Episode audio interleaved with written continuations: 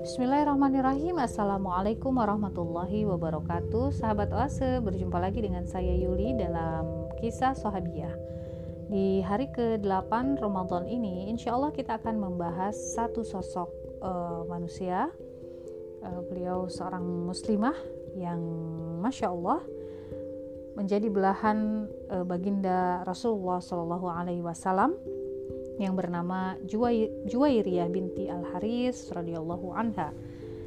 Dikatakan di dalam sirah beliau adalah sosok wanita yang memberikan keberkahan bagi seratus kepala keluarga dari kaumnya, Masya Allah.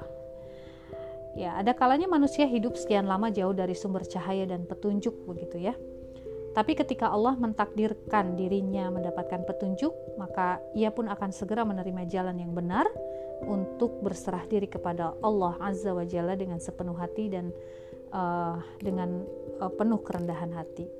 Keimanannya lah yang akan menjadi sebab dia mendapatkan kebaikan di dunia dan di akhirat. Dan kali ini kita akan membahas satu sosok seorang sahabat uh, wanita yang agung yang keislamannya itu menyebabkan 100 kepala keluarga dari kabilahnya mendapatkan kebahagiaan dan kebaikan dari keislaman beliau.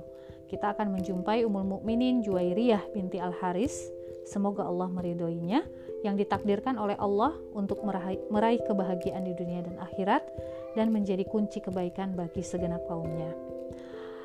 Um, sahabat oase yang dirahmati Allah, jadi Bunda Juwairiyah binti Al Haris radhiyallahu anha ini merupakan satu sosok ya, satu sosok wanita terpandang yang uh, beliau dibesarkan di tengah-tengah keluarga dalam gelimang kenikmatan ya.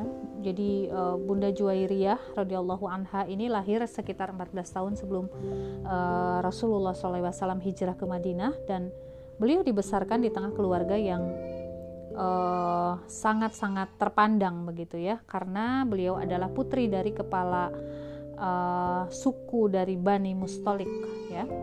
Ayahnya bernama Al Haris bin Abu Diror adalah uh, kepala suku Bani Mustolik sekaligus tokoh yang paling disegani oleh semua anggota masyarakat.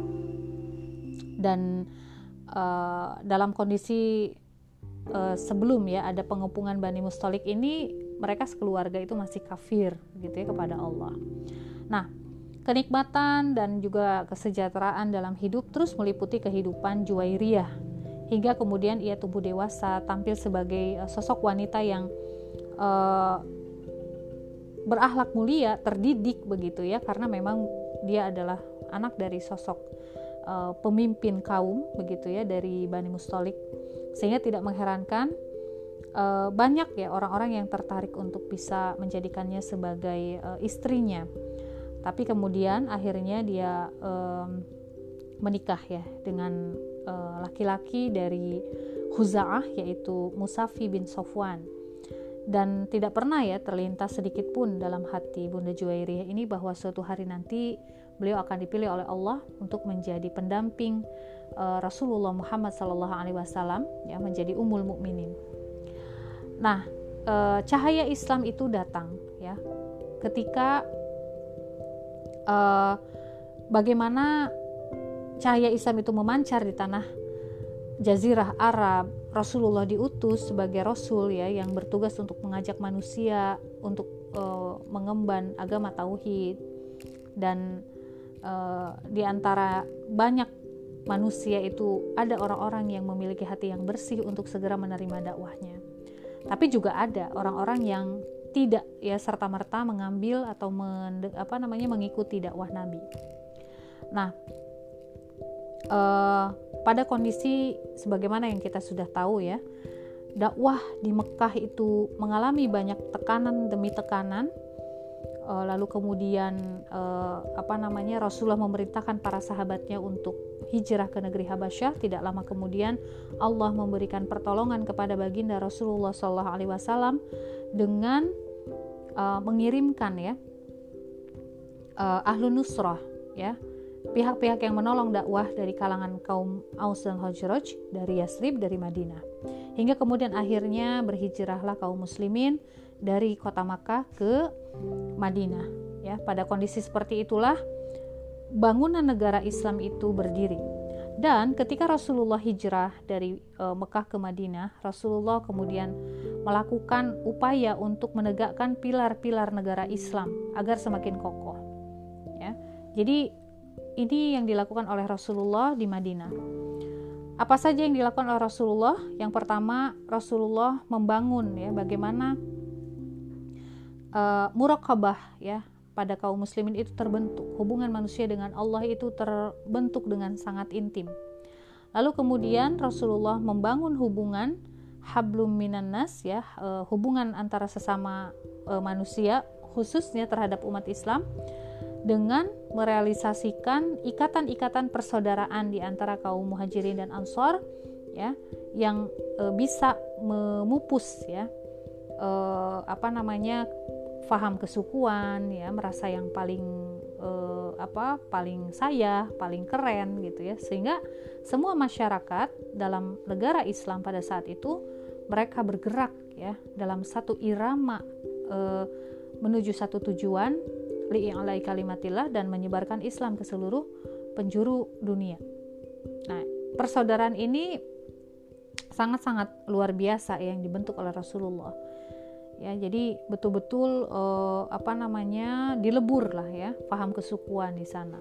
Atau misalnya sahabat Ansor merasa lebih dari sahabat Muhajirin sahabat Muhajirin merasa lebih dari sahabat Ansor. Tidak tidak seperti itu. Rasulullah membentuk satu apa namanya satu uh, biah begitu ya peleburan bahwa di antara mereka itu sama. Yang membedakan adalah takwa nah untuk uh, yang ketiga, Rasulullah melakukan upaya untuk membangun hubungan antara umat Islam dengan umat-umat non-Muslim yang hidup berdampingan pada saat itu di negara Islam. Nah, untuk merealisasikan uh, uh, pilar yang ketiga ini, Rasulullah menetapkan prinsip-prinsip toleransi dan juga amnesti yang tidak pernah dikenal ya di lingkungan masyarakat yang kental dengan fanatisme golongan begitu ya ataupun masyarakat yang egois. Nah, uh, berdasarkan hal ini siapa pun yang beranggapan bahwa Islam adalah agama yang tidak bisa berdampingan dengan agama yang lain atau mengatakan bahwa kaum muslimin tidak dapat hidup dengan tentram kecuali jika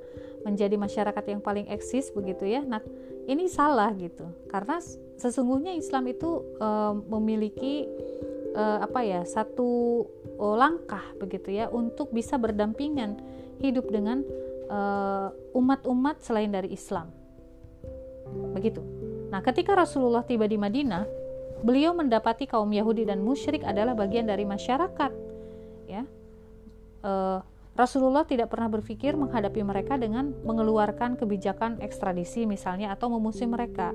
Melainkan sebaliknya, Rasulullah kemudian membuat perjanjian dengan mereka, ya, uh, menawarkan sebuah kontrak sosial gitu ya, dengan mereka dan akhirnya uh, umat Islam dan orang-orang Yahudi sepakat untuk uh, bisa hidup berdampingan secara damai dan bersama-sama itu ya mempertahankan Madinah dari serangan musuh.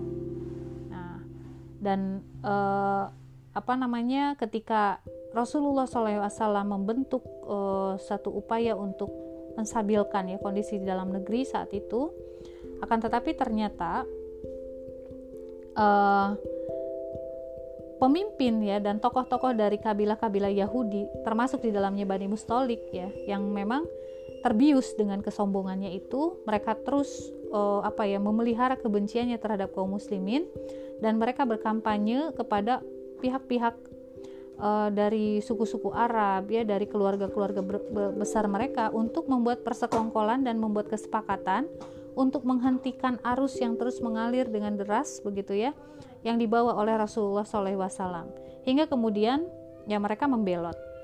Nah terjadilah akhirnya peperangan begitu ya. E, jadi Bani Mustalik ini melakukan satu upaya pembangkangan terhadap kesepakatan yang telah disepakatinya eh, dengan Rasulullah Shallallahu Alaihi Wasallam. Nah, jadi ini apa namanya ada sebuah upaya gitu yang dilakukan untuk menghadang ya dakwah Rasulullah Wasallam yang dilakukan oleh Bani Mustalik sehingga pecahlah peperangan antara e, kaum muslimin dengan dengan e, Bani Mustalik. Nah, perang Bani Mustalik ini terjadi pada bulan Sya'ban tahun ke-6 Hijriah ya. Ini menurut pendapat yang uh, lebih kuat. Nah, uh, jadi Rasulullah menerima berita bahwa pemimpin dari suku Bani Mustalik Al-Haris bin Abi Diror telah menyiapkan diri bersama suku-suku Arab lain yang berhasil uh, dipengaruhinya untuk menyerang Rasulullah. Untuk itulah beliau kemudian ya Shallallahu alaihi wasallam mengutus Buraidah bin Al-Hasib Al-Aslami untuk mengecek kebenaran berita ini dan ternyata benar. Hingga kemudian Rasulullah mengumpulkan para sahabat dan segera pergi menuju uh, Bani Mustalik pada tanggal 2 Sya'ban. Nah, selain para sahabat yang setia ya, ternyata kaum munafik juga ikut ya dalam perang ini padahal mereka sebelumnya tidak pernah ikut dalam peperangan-peperangan yang lain. Nah, Rasulullah kemudian berangkat dan menugaskan Zaid bin uh, Harisah untuk uh, sementara waktu memimpin uh, Madinah uh, dan ketika kemudian uh, Al Haris bin Abu Diror ayahanda dari Juwairiyah binti Al Haris ini dan juga suku-suku Arab yang lain mendengar bahwa pasukan kaum muslimin telah bergerak gitu ya. Uh, mereka sangat ketakutan hingga kemudian banyak di antara uh, suku-suku Arab yang tadinya mendukung mengundurkan diri. Dan uh, ketika kemudian uh, apa namanya Rasulullah mempersiapkan pasukannya untuk menyerbu. Ya Rasulullah menata barisan pasukan kaum muslimin. Nah ini uh, lalu kemudian bendera kaum muhajirin diserahkan kepada Abu Bakar. Begitu ya. Bendera kaum Ansor diserahkan kepada Sa'ad bin Ubadah. Nah kedua pasukan sempat uh, saling melepaskan melepaskan anak panah ke arah lawan beberapa saat tapi kemudian Rasulullah menyuruh pasukannya agar menyerbu sekaligus hingga benar-benar akhirnya kaum muslimin meraih kemenangan. Akhirnya Pasukan kaum musyrik itu hancur ya dan lari kocar kacir.